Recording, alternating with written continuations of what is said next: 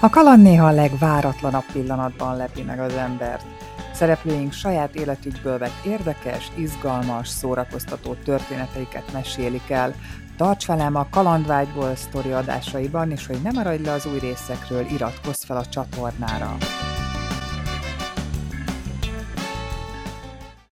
Volt a legveszélyesebb szituáció az életedben a vízzel kapcsolatban? Hát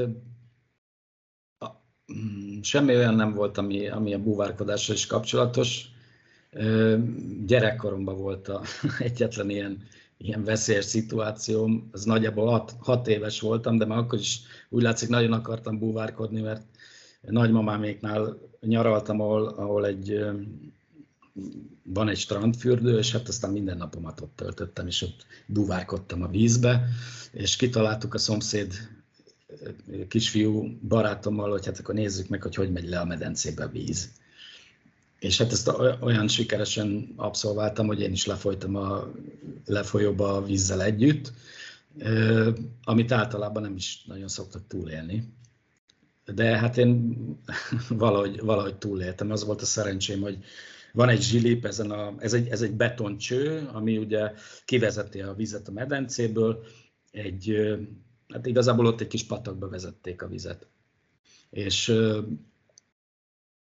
annyira fel volt nyitva a zsilip ebbe a csőbe, hogy én átfértem alatta, nem szorultam be. Hogyha nincs annyira felnyitva, akkor, akkor ott nincs visszaút. Egyébként ott a, ott a csőbe ott elképzeltem hat évesen, hogy na most akkor meg is halok mindjárt de, de ennyi szerencsém volt, hogy átfértem ott a zsilip alatt, és aztán egy ilyen kis ülepítő aknába a strandnak a legvégébe, ilyen bokrok között ott sikerült ott megállnom, és akkor onnan a kabinos nénik kiúztak, és akkor nagypapám elé vittek úgy, hogy ömlött belőlem mindenhol a vér, hiszen ez egy betoncső volt, és hát össze-vissza csapottam ebbe a betoncsőbe, úgyhogy nem túl sok bőr maradt rajtam. Aztán a nyaramnak a további részét azt, mint egy ilyen múmia betekerve gézbe töltöttem.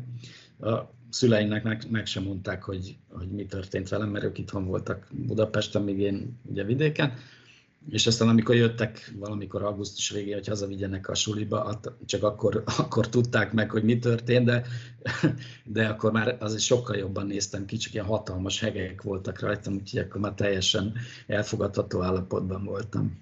Úgyhogy ennél sokkal veszélyesebb helyzetben nem kerültem. Ez nagyon durva. Mennyi idő volt kb. míg kijutottál oda az ülepítőbe? Hát ne, ne, nehéz megmondani.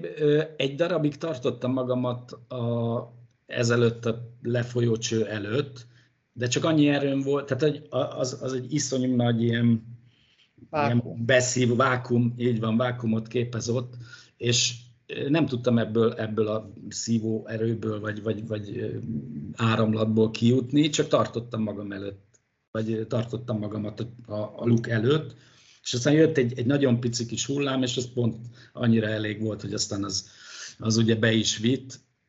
Hát percekig e, tartott ez, de hogy med, meddig ezt már nem tudom megmondani. És akkor fejjel előre? Igen, igen, igen. És olyan, olyan nagy szívóereje volt ott a, a, csőbe a víznek, hogy egy maszk volt rajtam, búvármaszk, és azt így, úgy így le, le szívta a fejemről, tehát És a barátod ezt így végignézte? Végignézte, és, és nem is szólt érdekes módon senkinek. Hát gondolom, ugye kisgyerek révén, hát beijedt, hogy egyszer csak eltűntem.